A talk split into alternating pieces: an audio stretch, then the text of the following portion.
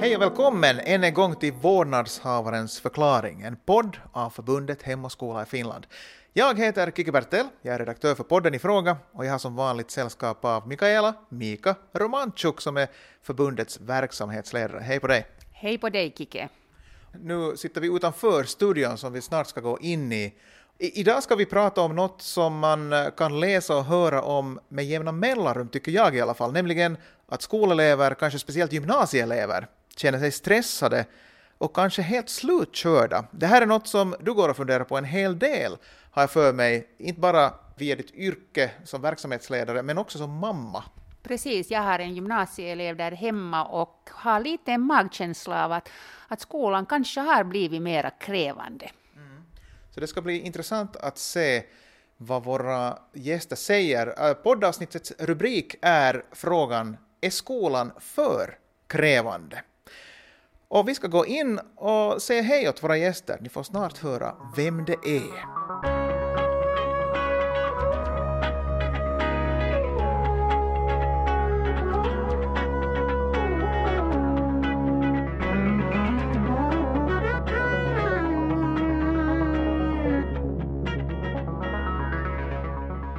det är dags att välkomna med två gäster till poddstudion. Jag säger först välkommen till Leif Ekrem, eh, pensionerad lektor i fysik sägs det. Ja. Hur länge har du varit pensionerad? Uh, sen, sen sommarens början egentligen. Okej, okay. så det var inte så himla länge sedan du stod senast i ett klassrum? Nej, jag stod nog ända fram till det att coviden stängde dörren. Mm. Och du har en ganska lång lärkarriär. Eh, först jobbade du på Hälsinge skola och gymnasium i Vanda, nästan ja. 19 år. Ja. ja. Och sen blev det över 21 år på Brände gymnasium i Helsingfors. Det stämmer. Och allt startade 1980, så du har som nästan ett 40-årigt perspektiv på ja. hur det har gått här i landet med ja. skolan och speciellt kanske gymnasiet. Det har varit jätteroligt. Vi får höra allt om det snart tror jag. Och välkommen också med till uh, Fritjof Sahlström, professor i pedagogik och dekan vid fakulteten för pedagogik och välfärdsstudier vid Åbo Akademi i Vasa. Tack. Har du hela tiden hållit dig till en akademisk karriär eller har du också tagit dig an ett klassrum eller i ett gymnasium eller grundskola jag har nog hållit mig hela tiden till en akademisk karriär. Jag tror jag, var, jag faktiskt varit vikarie en vecka i Korsholms högstadium därefter att jag det? hade skrivit studenten. Vilket år var det? Ja, det var nog 89. Kan jag ha haft dig då? jag undrar, för jag gick då. Det var, det var inte en särskilt lång bana, inte för att jag skulle haft något emot det. Man har ju mycket klassrum faktiskt i, alltså också på universiteten måste man komma ihåg, alltså har man mm med 50 till 80 20-åringar. Så det är, det är nog helt... Det är akademiskt det är också på ett väldigt bra sätt, mm. men det är mycket undervisning. Mm. Ja, precis. Vi börjar som alltid med frågan som också är rubrik för den här podden, det vill säga är skolan för krävande? Och ska jag vända mig genast till Fritjof? Vad svarar du på en sån fråga? Det är nog så många frågor, det är jättesvårt att svara ja eller nej på, mm. tycker jag.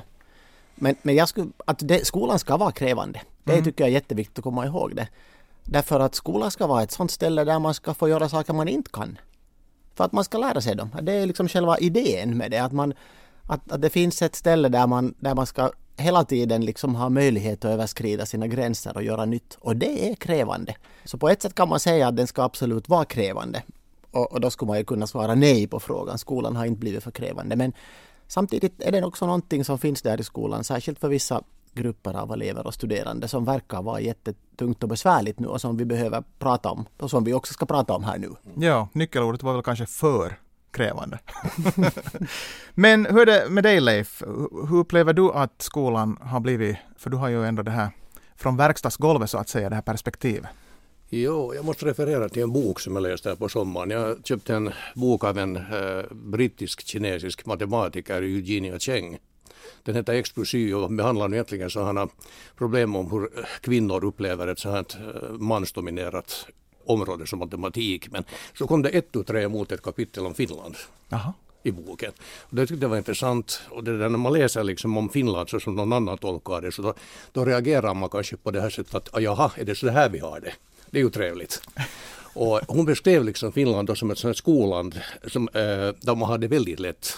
Man har långa lov, man har korta skoldagar, man har väldigt lite läxor, Så att man borde vara ganska lite stressad så att säga. Det var ju hennes synpunkt på det här.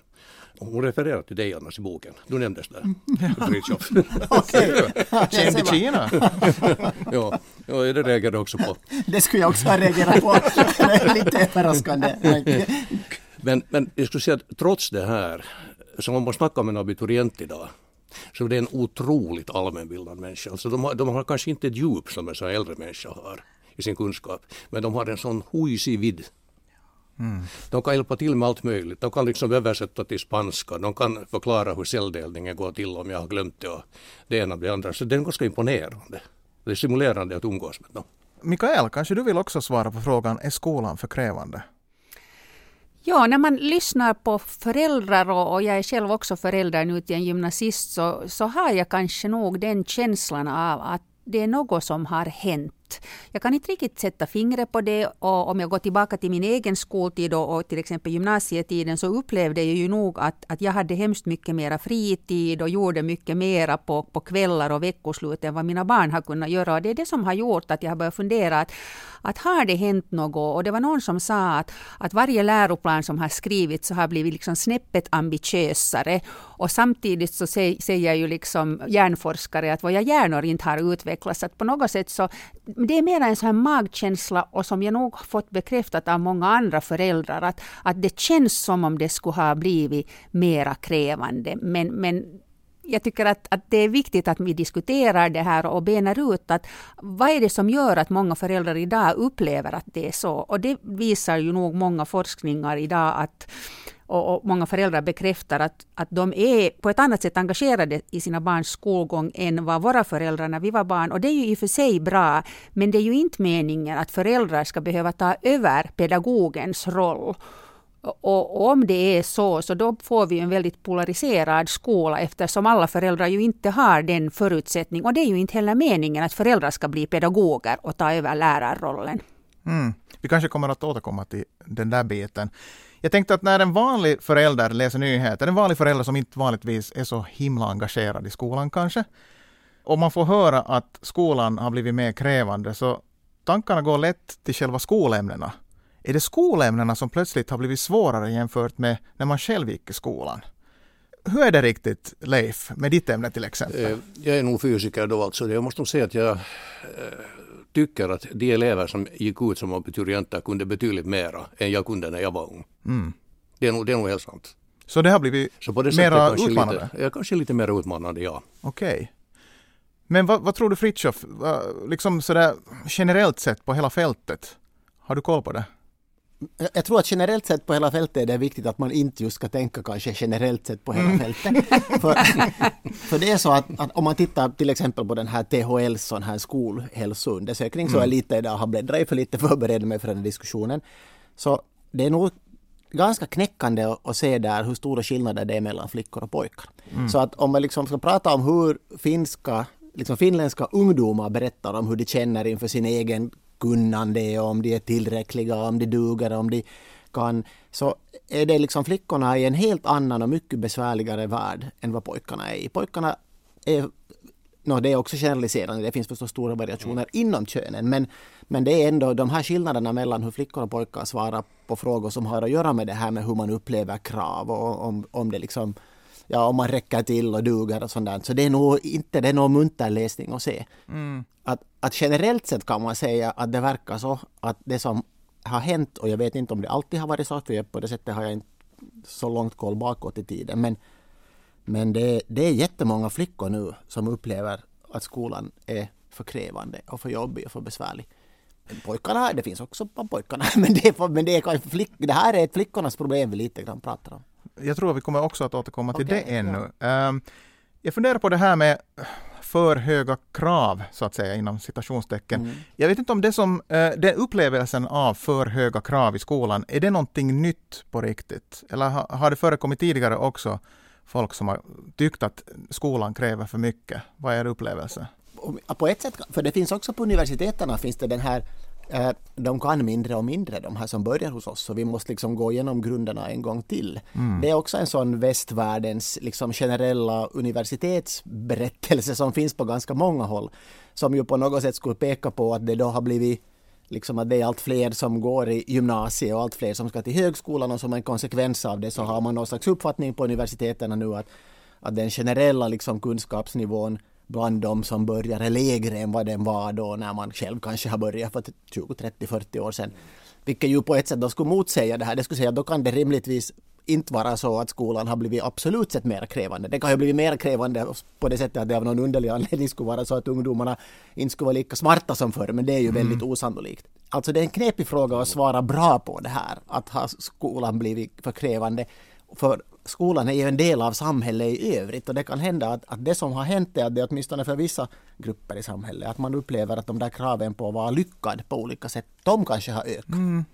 För frågan är ju att vad är höga krav? Ja, det, var, det tänkte jag just på. Alltså det, det kan ju hända att det, det är kunskapskrav, men det är bara en bit. Mm. det kan vara förväntningar hemifrån, det kan vara förväntningar från lärarhåll, samhälle, framtida arbetsgivare, det ena och det andra. Så det är en ganska komplex fråga nog det här. Och det där, när det nämns eh, flickor här, så jag skulle säga att eh, med risk för att generalisera, så jag tror att ett av de problemen där kan vara att det, det finns en person till som ställer stora krav och det är man själv. Mm. De kanske har det där i högre grad än, än vissa killar. Killarna, killarna mognar och tar fast men uh, unga gymnasister till exempel, så där har nog flickorna svårt. Mm. Jag tänkte fråga Fritiof ännu när du sa det här och jag har ju också läst det att, att man på universiteten ofta kanske kommunicerar att, att eh, de som kommer in och börjar studera liksom kan saker och ting sämre och i synnerhet när det gäller modersmålet och skrivande. Men, men samtidigt så upplever jag ju som förälder att, att det är mycket som våra ungdomar kan mycket bättre idag. Jag tänker till exempel på engelskan. Så att det kan ju inte vara liksom generellt alla ämnen och det som du Leif sa här att du, du har den där upplevelsen då att, att de här dina studeranden som du hade nu innan du gick i pension att kanske ändå liksom kunde mera fysik än vad du själv kunde i den. Absolut. Så att det är lite så här att, att mm. å ena sidan och andra sidan att vad är nu riktigt sanningen här? Att kanske det skulle finnas lite fog för, för forskning också inom den här tematiken. Mm. Man kanske kan, det kanske man kan säga att, att det här fokuset skiftar ju också. Att det som var kunskap för 50 år sedan är ju inte faktiskt, det är ju, läroplanerna blir ju till det bättre. Så det vi, idag ska man liksom lära sig att lära och man ska ha, lära sig ett förhållningssätt och man ska vara en kritisk granskare och kunna ta till sig ny kunskap. Medan det liksom längre tillbaka i tiden fanns det kanske större fokus på liksom mer så här absolut och avgränsad innehållskunskap. Och mm. Och det, då det, det kommer liksom nya sorters före detta gymnasieelever eller yrkesutbildningsstuderande för den delen. När de kommer ut då till yrkeshögskolor eller universitet så då uppfattas det som att de inte kan saker. Men det är att de kan lite andra saker kanske än vad man tidigare har kunnat. Och det, på många sätt är det ju nog en förändring till det bättre. Alltså att, att, man, att man har en möjlighet och just det här med att lära sig att lära och förstå vad det är och ta reda på saker. Nu är det ju himla fint att få lära sig det också om det förstås priset för det är att man inte kan kanske lika absolut sett utan till lika mycket som du kunde när du började jo. på universitetet. Tror jag du kunde mera vissa saker än de kan som nu skriver i vår medan de sen är jättemycket bättre kanske än vad du var när du de är jättemycket bättre på att ta reda på saker från internet till exempel jo, än på vad jo, du var när du började studera. Det är sant. Jag tycker vi ska ta och lyssna på ett inslag. Här nyligen så träffade psykologen Martin Westerling över en kopp kaffe Martin har i cirka åtta år jobbat med ungdomar av olika slag, från förskola till gymnasister. Just nu har han en egen mottagning dit det kommer främst då unga vuxna och ungdomar. Han jobbar också på en ungdomsstation och även med ungdomar på ungdomshem och tidigare har han varit skolpsykolog i Raseborg. Och jag börjar med att fråga om han själv märkt någon förändring i varför ungdomar söker psykologhjälp, om de söker det, eller vilken typ av hjälp de söker. Ja, en intressant fråga.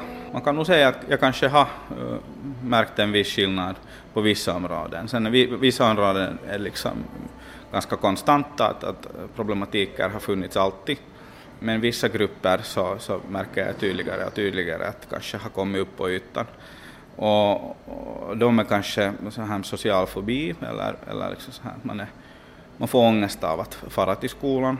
Det, det är en grej. Och sen en annan grej är mer så här stresssymptom och, och mer sån här burnout-liknande problematik bland, bland lite äldre gymnasister. Mm. Ja. Är det främst frågan om, om unga som kanske överhuvudtaget har en benägenhet att, att ha liksom mera ångest än kanske ska vi säga gemene man? eller upplever mera stress än andra, eller, eller är det högst vanliga ungdomar det är frågan om? Bra fråga. Jag skulle säga både och. Vi känner till de som kanske har så här predisponerade riskfaktorer att, att uppleva ångest eller stress och, och de har vi känt till ganska länge än. Men så tycker jag nog också att, att, att det finns allt fler av, speciellt kanske gymnasistflickor som kanske inte har eh, lika mycket sådana riskfaktorer bakom. Och, och, då kan man fråga sig att just den gruppen till exempel ökar eller inte. Vi vet alltså per statistik att flickor, gymnasistflickor har rapporterat själv mera sådana här liksom hälsorelaterade problem sen 2013-2015 och den trenden har fortsatt och det, det är då gymnasistflickor. Så jo och nej. Så handlar det här om äh, främst äh, alltså prestationsångest? Det är inte kanske så enkelt. Här har vi många olika faktorer som spelar en roll. Stationer, självkrav och så talar vi också om, om liksom någon form av um, samvetsgrannhet och, och strävan till goda prestationer och perfektionism kan man ibland tala om också till och med. Så, så ja, prestation är en del av det hela, men här finns också liksom självkänsla, um, yttre krav och inre krav. Och här är många faktorer som, som också spelar, inte bara prestationer. Och jag undrar, att är det skolan och kraven och miljön där som ligger bakom, eller är det något större än så? En helhetsbild som man borde titta på, inte bara skolan, eller är det just skolan? Skolan är nog viktig i det hela, men att här är nog många andra faktorer som också spelar roll. Här är familj, umgängeskrets, eh, också personlighet, temperament, men skolan är hemskt viktig. Nu känner jag kanske, om vi, om vi pratar om skolans roll i, i den här tematiken, så kan jag på något vis känna av att, att de här betoningarna på att man ska kunna veta allt tidigare vad man vill inrikta sig in på eller, eller göra som stor så har nog en viss roll i det hela, eh, enligt mig. Vi vet på något sätt att en 16-17-åring inte så här utvecklingsmässigt Eh, alls behöver vara färdig att kunna ta ställning till ett så stort beslut, att vad, vad man ska göra som stor eller, eller vilka kurser borde jag nu ta för att kunna bli det och det. Eller, eller nästa, nästa steg efter, efter gymnasiestudien. Att det är nog, det är nog sådana här åtgärder som jag känner att, eh, att är viktiga, som sen syns i skolan. Det är ju inte förstås skolan som drar de här riktlinjerna, utan det är ju politikerna, men det, här, men, men det är säkert i samarbete med skolan. Det var alltså Martin Westerling och där dök ju då de här gymnasistflickorna upp igen. Har ni några reaktioner på vad Martin sa? Mm, jag tycker det motsvarar ganska bra det man har observerat på fältet. Det, mm. det skulle ungefär eh, som amatör beskriva det lika. Och Fritjof, är det någonting sånt här man pratar om på pedagogiska fakulteten? Ja, jag hoppas det. För det är en väldigt viktig fråga att prata om och är, mm. är nog en besvärlig grej att, att i de här framgångsrika länder, som, alltså utbildningsmässigt framgångsrika länder som Finland och andra länder, så där finns det påfallande stora skillnader mellan könen just på allt möjligt, liksom med många olika saker. Som att det, det är lite förvånande mm. att, att, det är på det sättet. Och det, resultatmässigt är det ju till flickornas fördel. Alltså flickorna presterar ju mycket bättre nu för tiden också, måste vi komma ihåg det. Men de är nog så jättemycket mer stressade. Mm. En sak som Martin poängterade, som inte jag kommer att ha med i någon av inslagen med honom nu, men han sa det här med att flickorna tenderar att vara mer självkritiska, precis som han sa där, medan pojkarna tenderar att skylla på yttre omständigheter. Att det inte nödvändigtvis direkt är deras fel om det går någonting åt skogen. Eh, men att han poängterar där att man borde komma ihåg att ändå alltid fråga också pojkarna att hur mår ni egentligen? För att det kanske man åsidosätter i och med att de kanske inte på samma sätt och lika mycket sedan söker hjälp. Mm. Och det är kanske en sån där grej som, som man eh, blir blind inför när det bara är flickorna som söker hjälp och upplever liksom offentligt den här stressen. Har ni några tankar kring det? Det är ju en svår diskussion. Det, det blir ganska ofta så där sen att man, prat, man börjar prata om att flickorna har det besvärligt, vilka mm. de har. De är liksom jättesignifikanta de här skillnaderna. Men så blir det ändå en diskussion om pojkarna. Alltså, ja. tycker, det är helt fint att, också prata om pojkarna. Men mm. än så länge är det så att flickorna mår mycket sämre. Så om vi ska prata om, liksom, om skolan är för krävande, hur det känns, så är det viktigt att vi pratar om flickorna. Vi ska, det betyder inte att vi ska glömma bort pojkarna, men det här är ett mycket större problem för halva samhället, som är den där kvinnliga delen av samhället. Och, det, och, och de där skillnaderna är faktiskt liksom riktigt, riktigt stora. Alltså det är liksom inte någon enstaka procent, utan det handlar om jättestora gap mellan där. Och det finns inte riktigt bra svar heller på varför det är så. Alltså, inte har forskningen några givna svar på det där. Men jag tänkte haka på det som du sa Fritiof, att, att liksom vi känner till den här problematiken, man har talat om det väldigt länge och, och det där, vi kanske inte riktigt har hittat några lösningar, men sett ur ett föräldraperspektiv, och då talar vi om gymnasiet, så tycker jag att, att gymnasierna och kanske också yrkesutbildningen kunde utnyttja föräldrarna bättre som en, en resurs i det här sammanhanget. Som förälder till tre barn, av vilka det yngsta nu går i årskurs ett i ett gymnasium så tänker jag att, att det är nog väldigt lite kommunikation och dialog mellan hemmet och skolan. Att under hela det här året, halva året som mitt barn har gått så har jag liksom inte, ingen har någonsin frågat mig att hur går det för mitt barn och nu speciellt när vi les, lever under väldigt speciella omständigheter och distansundervisning så tänker jag att skolan skulle gagnas väldigt mycket av att ställa föräldrar frågor att hur går det? Så att jag tänker att, att det här när vi ställer frågan att har skolan blivit för krävande så, så tror jag att, att det som man har missat de facto är att kommunicera åt föräldrar vilka de här förändringarna i skolan är. För att om du som förälder bara liksom är hänvisad till sociala medier och massmedier när det gäller förändringar i skolan så blir det väldigt eh, tillspetsat. Det blir problemfokuserat. Men det är den så att säga, informationskanalen du har. Att här tänker jag att, att skolorna borde liksom kommunicera direkt till föräldrar och också fråga föräldrar att hej, hur går det? Att jag skulle faktiskt ha jättemycket nu att berätta om hur de här första månaderna har gått. Men ingen har ställt den där frågan och den där tröskeln är hög för mig att som mamma, och jag har pratat med många andra mammor om det här, att ringa till skolan och säga att hej, att visste ni att så här och så här och så här har det fungerat hemma hos oss. Ja. Jag har märkt en sån effekt att som gruppledare, så det där, om man talar med en förälder, då funkar det väldigt bra. Då löper kommunikationen. Men om man har ett möte med många där, så då är det nog väldigt tyst. Mm. Att det är svårt att liksom hitta den här balansen, hur man ska informera, hur man ska få det att löpa. Det där. Skolan, jag tror att skolorna gör ganska mycket för att berätta om sin problematik. Så upplevde jag det som lärare nog att skolledningen skötte det här väldigt bra. Jag undrar om vi kunde hoppa in lite på det här nya läroplanen lite grann. Det här som nu gradvis implementerades från 2016 och nu borde det ju vara helt implementerat året 2021. I planen betonar man mycket självständigt och individuellt lärande, vilket i princip låter bra, men det har inte gått utan kritik. Eh, speciellt uppmärksammat har en doktorsavhandling av forskaren, numera trefaldiga doktoranden, läste jag, Aino Saarinen varit. Du har säkert hört en del om det här Fritiof, antar jag. Det är inte själva läroplanen som har varit under hennes lupp, utan själva konceptet självständigt lärande. Och avhandlingen fick uppmärksamhet redan långt innan den var ens klar. I avhandlingen så lyfte Saarinen bland annat upp att det blir en brist på rutin som resulterar i sämre inlärning, speciellt då bland riskgrupperna. Och jag undrar det här med alltså det här individuella friheten som i princip kommer då med läroplanen, att man ska själv kunna liksom se efter. Men det betyder ju samtidigt alltså ett individuellt ansvarskrav. Och då blir det ju ett större krav. Och då kan man ju nog säga att skolan har blivit mer krävande. Vad tror ni om, om den punkten? Titta kanske mest på dig Fritiof. ja, det är en avhandling som har diskuterats mycket och, mm. och, och, det är bra. Alltså det är jätteviktigt att vi för den diskussionen. Och det är den, alltså jag, har, jag har inte liksom lusläst den som jag skulle vara opponent, men jag har åtminstone bläddrat igenom den och tittat på dem där. Det, det är helt en robust avhandling, liksom. det är inget fel på den. Lika bra eller dålig som andra doktorsavhandlingar, så det tycker jag är viktigt att och säga här att det, det ska inte liksom bli är man doktor är man doktor, inte, det är inte något så här att man är nästan utan det är helt och hållet antingen eller och hon mm. är. Ja. Så så är det med det.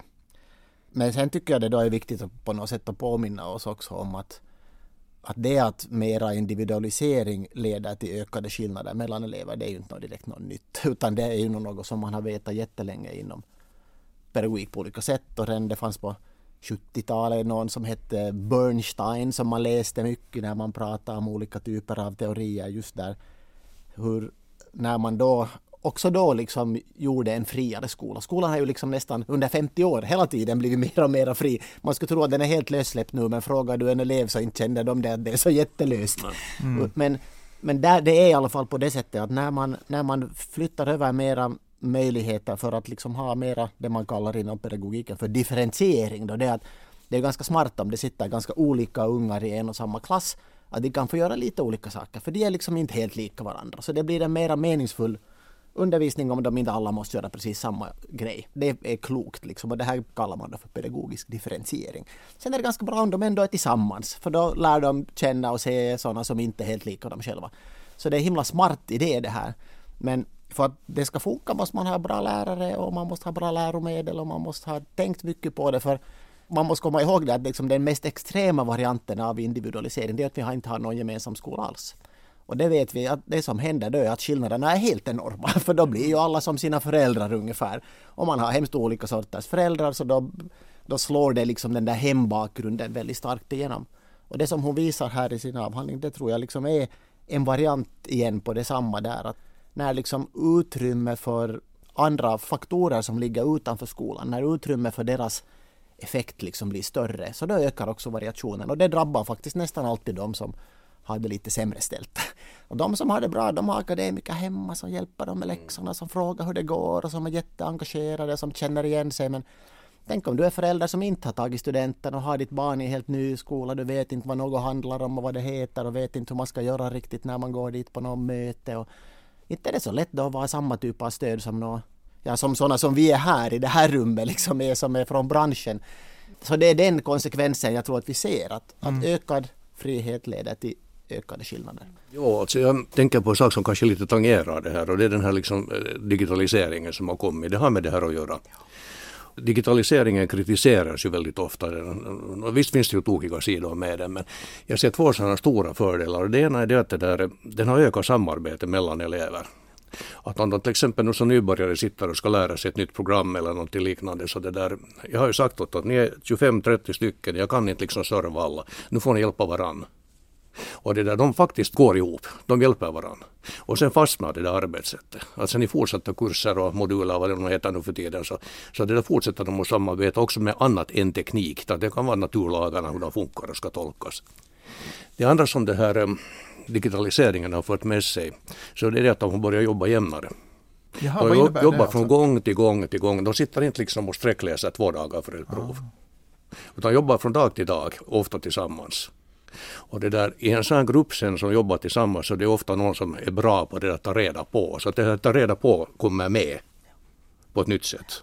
Och det här är nog en vinst med den här digitaliseringen. Mm. Det får finnas sådana eh, förluster sen, men det, är, det här är en vinst. Mm. Sen kan det ju hända när jag lyssnar på dig Leif, att, att, att, när det gäller digitaliseringen så passar den kanske vissa läroämnen bättre än andra. Ja. Och jag tror att det felet gjorde man kanske då när läroplanen 2016 infördes så att en del liksom tog det lite för bokstavligt det här med att det allt skulle digitaliseras. Så det fanns till och med kommuner där det kom uppifrån liksom rekommendationer eller nästan krav att 70 procent av all undervisning skulle vara digitalt. Sen backade man när man insåg att det var fel tänkt.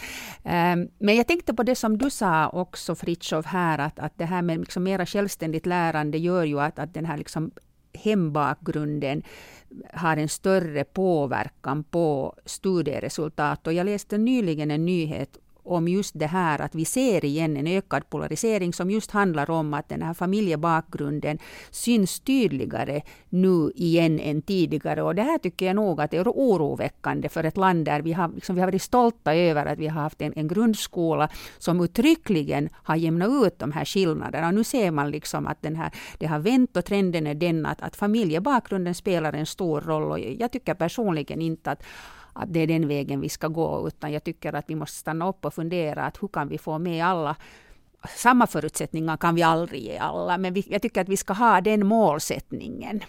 Och nu när vi får den här förlängda läroplikten så blir det liksom extra viktigt att också lärare får mera handledning i hur man faktiskt ska stödja alla barn och unga, också i yrkesskolor och gymnasier.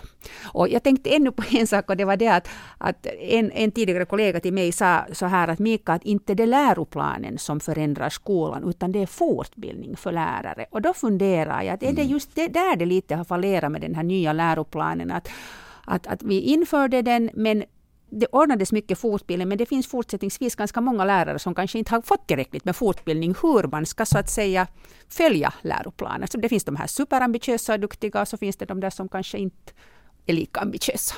Eller fortbildning på rätt saker. Det också. Jo. Det är ju viktigt att man är generös, den har kommit ganska nyligen den här nya läroplanen, så det tar länge för en sån här förändring att få liksom mätbara effekter det är liksom, man pratar mera om det och det ska man göra och det är bra och viktigt men man måste komma ihåg det att till dess att undervisningen har förändrats så mycket som en läroplan eftersträvar och att en hel från ettan, om vi nu pratar om gymnasiet, liksom att ettan till trean, att man skulle ha haft hela, hela den tiden undervisning i linje med den nya läroplanen. Där är vi ju inte ännu alls, utan det tar nog några år ännu förrän vi är där. Att de är ju visionära dokument, de är ju liksom vårt sätt att säga att på så bra vi kan att det här vill vi liksom och sen mm. jobbar vi ditåt men inte inte vi ju från dag ett där. Då skulle det vara för alltså tänk sådana visioner som man skulle nå första dagen. Vad är det för visioner? Alltså man ska ha större visioner än man klarar av. Det är ju det, är ju det som är, gör den visionära. Liksom. Ja, det är egentligen en viljeyttring ja, som någon sa. Mm. Mm. Men vi kan ju ha den här diskussionen om fem år igen och kolla.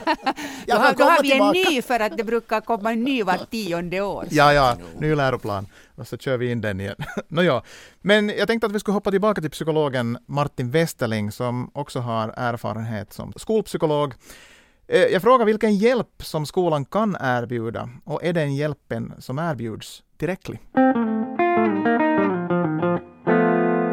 Ja, på olika nivåer så kan nog skolan göra mycket. Det finns ju studerandevård och elevvård där det sitter viktiga människor som har kunskap om om ungdomens välbefinnande, det är viktigt. Men, men också läraren har med sitt exempel en hemskt viktig roll. Jag tänker så här att blir man bekräftad som elev enbart på basis av, av framgång och, och, prestationer så signalerar och upprätthåller man ju ett visst tankesätt som heter att jag bör, jag bör liksom klara av allt och, och så mycket jag kan och på bästa möjliga sätt.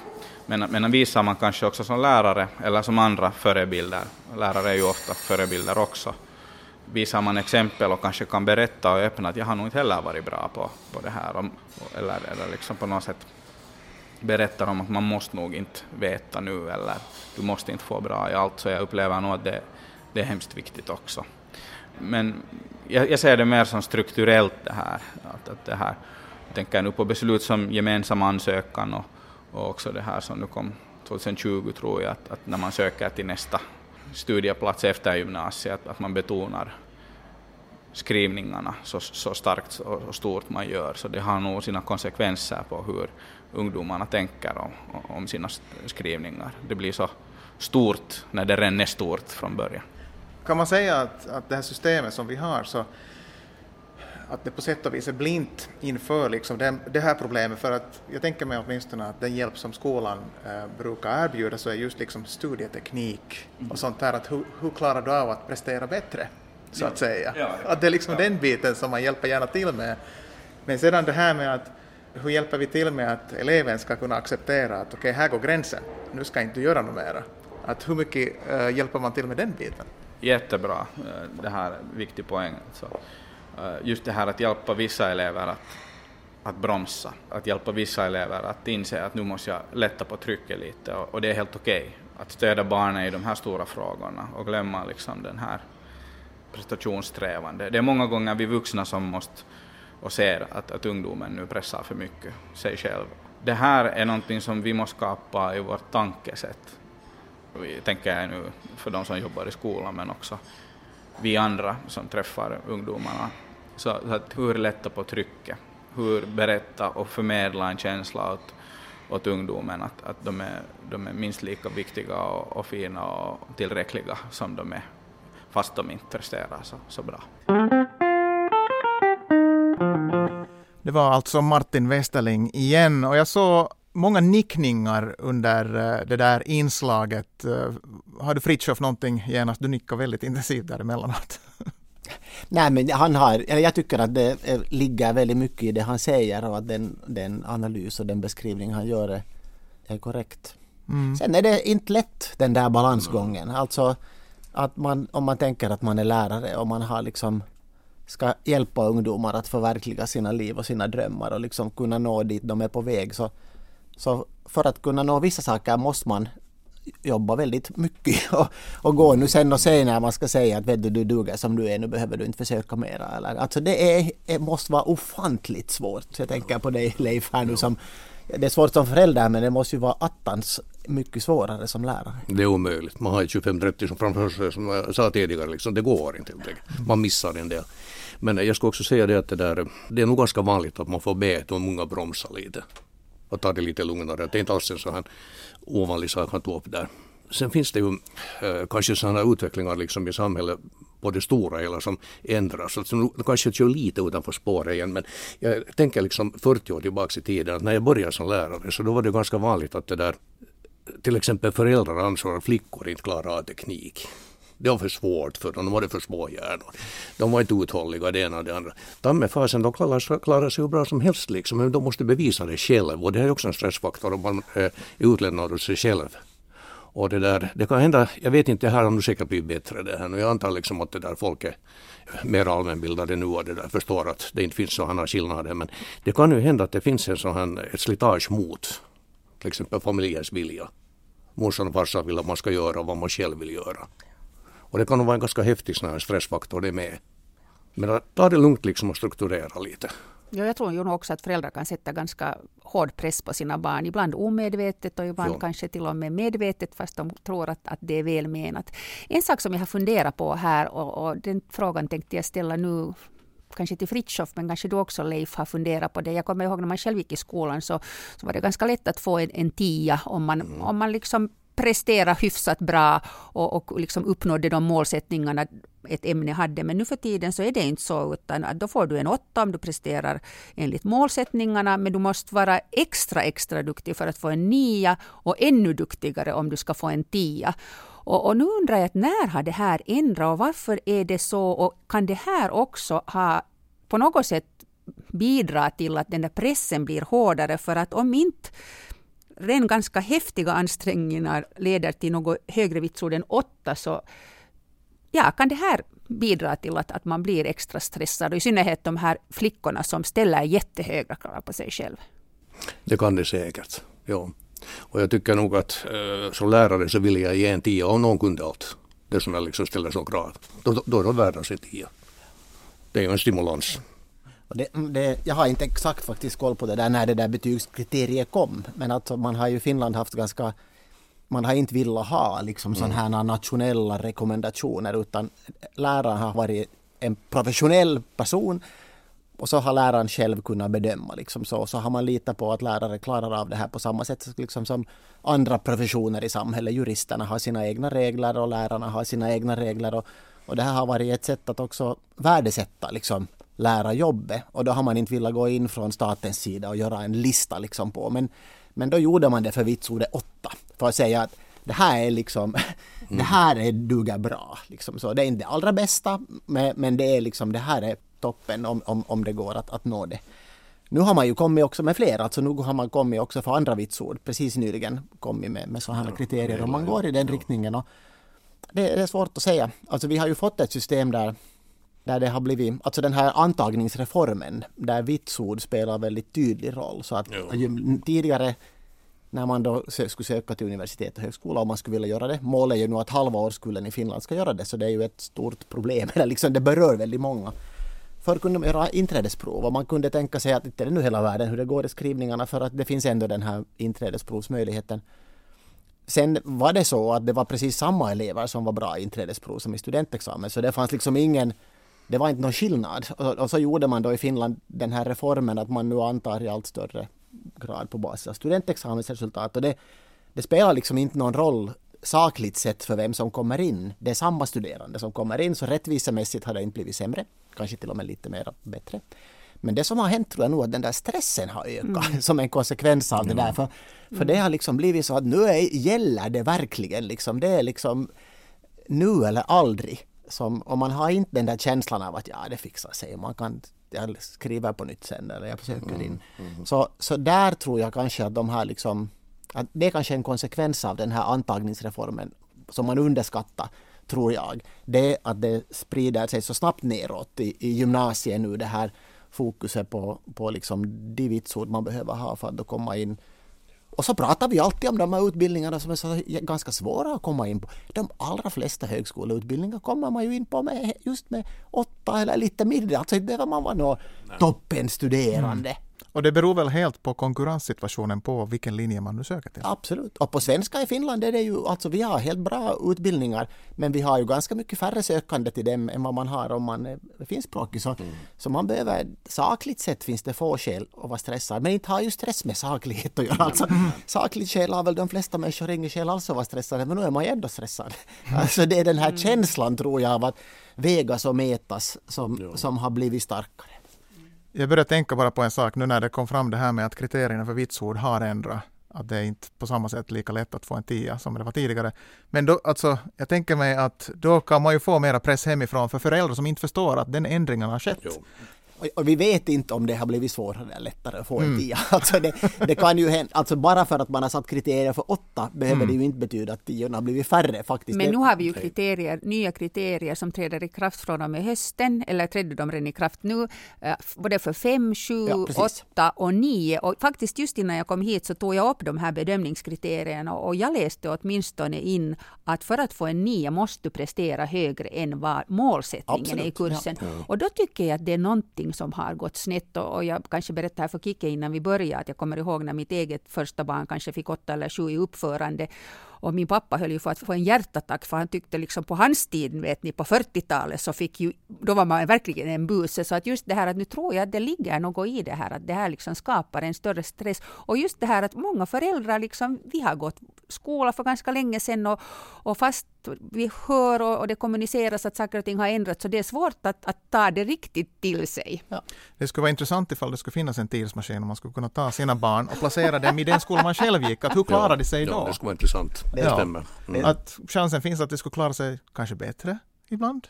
Eller? Det är svårt att säga. Ja. Jag tror att det skulle vara på förvånansvärt lika ändå. Alltså mm. skolan är ju, ja, det är inte bara dåligt heller att, att den förändras långsamt. Alltså mm. skolan är en sån del av samhället som som är ganska stabil och pålitlig och, och då är den inte liksom ryckig fram och tillbaka. Det är också en kvalitetsaspekt, även om man kan bli jättefrustrerad över det. Mm. Både som pedagog och som förälder över att det är liksom så segt och gammaldags. Så det finns en poäng i att någonting som funkar ganska bra, att man förändrar det med lite måttlighet. Mm. Jo, sen lärare utvecklas ju också ganska långsamt egentligen, ja. tar nya idéer i ganska maklig takt. Ja. Men, men, här, med den här betygskriteriefrågan, det är ju nog viktigt att det, den har ju bland annat kommit till därför att det har visat sig att det finns ganska stora variationer. Ja. Och särskilt på finsk, också på svenskspråkigt håll, särskilt här i huvudstadsregionen är det ju konkurrens då om gymnasieplatserna. Och då är det ju väldigt viktigt då att, att liksom om man har bor, liksom har en kompis som bor i en annan stadsdel och går i en annan grundskola så ska om man kan lika mycket så ska ens vitsord vara också lika mycket därför att det avgör och sen var man kommer in.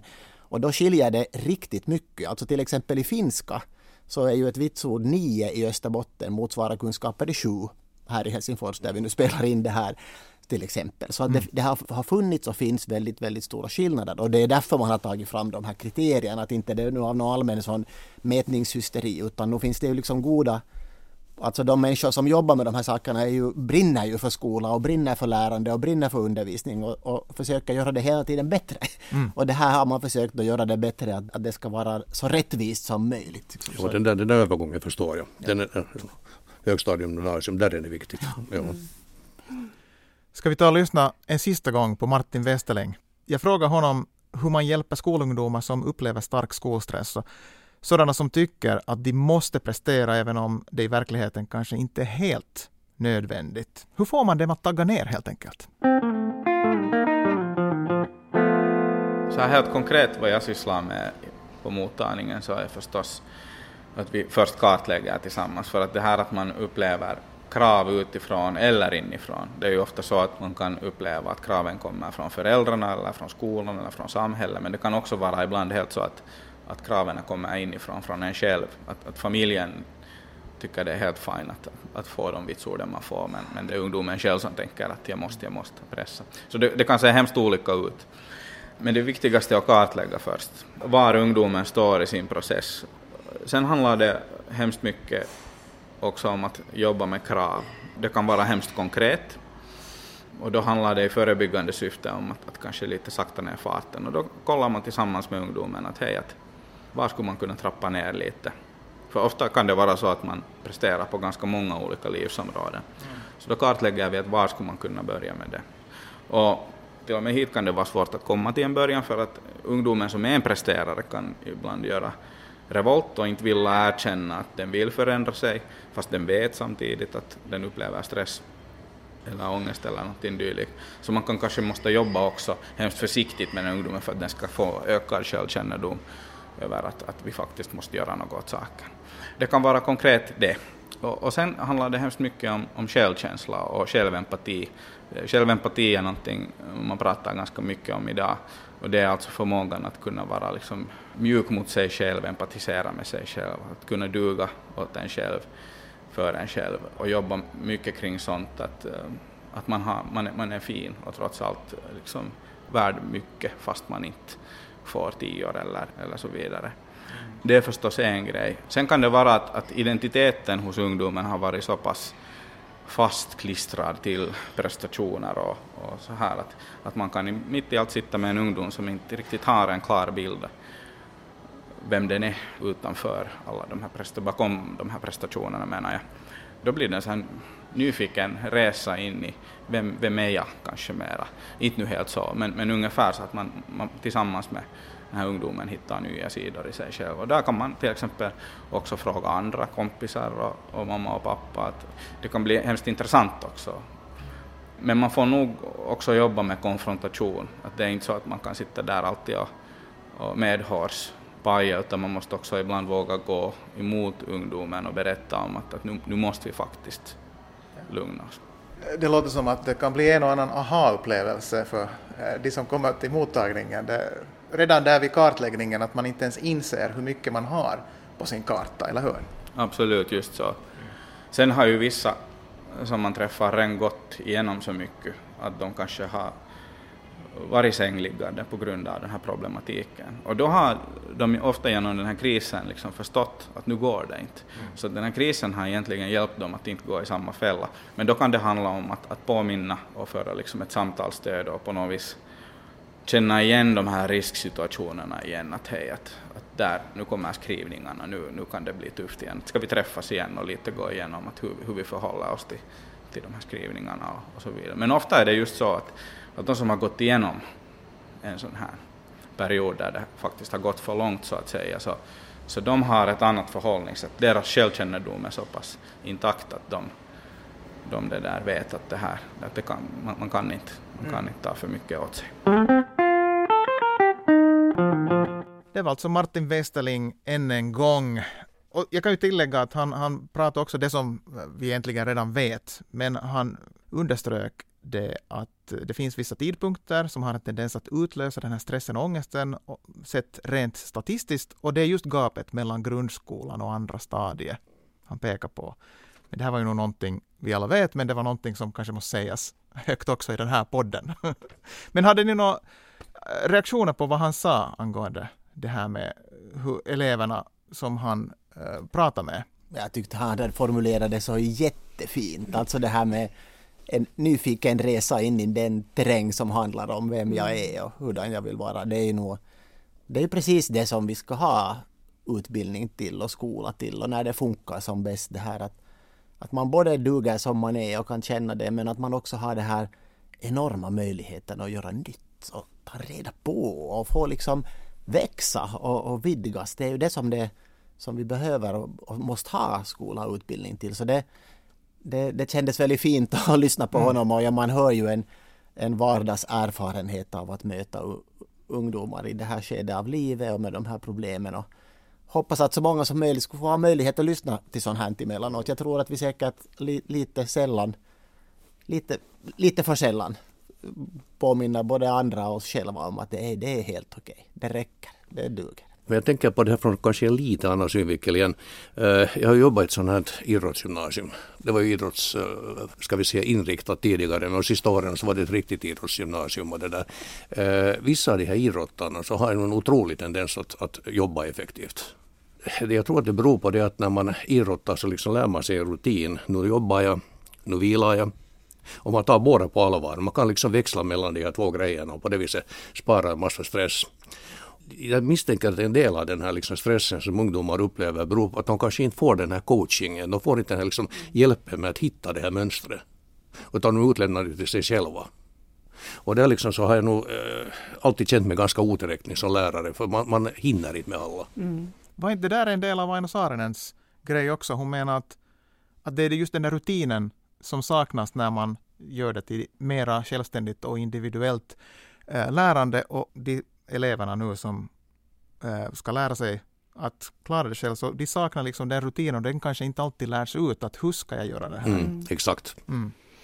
Ja, jag tänker att det handlar mycket om den här liksom självregleringsförmågan som många unga och också äldre människor saknar. Och jag tänkte när jag lyssnade på Martin och lite det som du var inne på Fritiof, att, att man skulle önska att, att alla elever skulle få möta en klok Martin eller någon annan mm. Mm. Och, och, prata om det här. Och, och då är min fråga kanske åt dig Leif, att, att upplever du att, att i dagens gymnasie att det att det finns tillräckligt med utrymme och tid för att föra den här diskussionen med...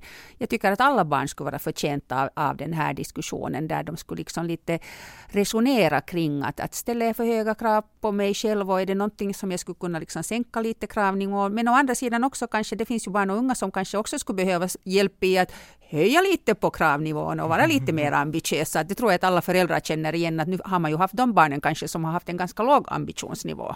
No, jag ser det här igen ur gymnasieskolans perspektiv på det sättet att där har vi ju kurser och moduler och vad vi nu har. Vilket betyder att det är ganska många elever så känner vi ju inte. Att om jag har en, en fysiker som jag har undervisat i många, många liksom kursenheter så då kan jag den där unga människan ganska bra. Och då kan man kanske föra den här diskussionen och delvis har jag gjort det också. Men den där stora massan, slinker nog mellan fingrarna. Mm. Tyvärr, tyvärr. Resurserna är nog sådana. Mm.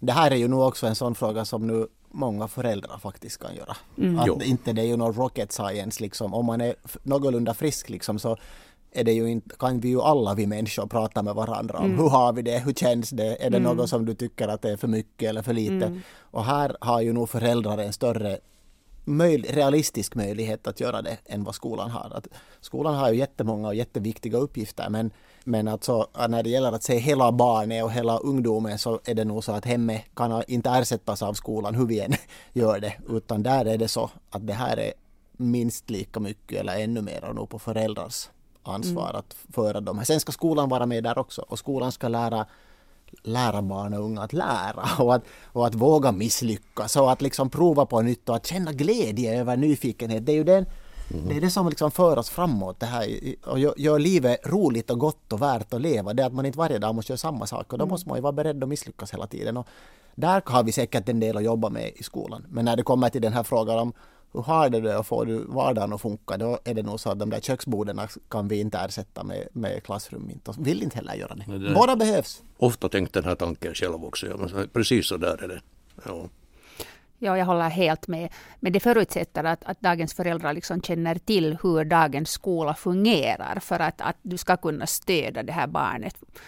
Jag tror att, att att vi alla behövs, som ni säger så fint. Och, det där. och jag tror att vi behöver uppmuntra varandra också i de här olika rollerna och stödja varandra framför allt.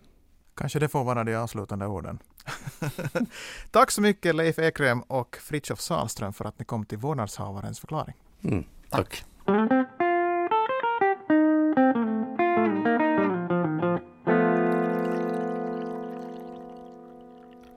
Tack ska du ha Mika skönt med en kopp kaffe efter den där sessionen. Igen ett intressant samtal där. Eh, finns det någonting du tar med dig speciellt därifrån från studion? Nu kanske igen det här hur mångfacetterat saker och ting är och hur viktigt det är att vi pratar om skola som är så viktigt för våra barn och unga. Att jag skulle gärna ha fortsatt hur länge som helst. Det kanske vi gör också, för jag tror att det finns eh, andra avenyer man kan gå längs just när det gäller den här kravaspekten. Till exempel hur mycket har krav att göra med motivationen i skolan? Och motivation som ämne i sig kunde vara ett helt avsnitt, eller hur? Absolut, jag läste någonstans att egentligen så ska man inte sitta och vänta på motivation, utan motivation kommer av att man lyckas. Så att, jo, jag tycker vi ska ha ett avsnitt som bara handlar om krav och motivation. Det låter mycket bra. Du har alltså lyssnat på Vårdnadshavarens förklaring, en podd av förbundet Hem och skola i Finland. Jag heter Kika Bertell, du heter Mika Romanchuk. och i nästa podd ställer vi en helt annan fråga. Eh, då blir det Tar mobbningen aldrig slut? Tack för att du lyssnar.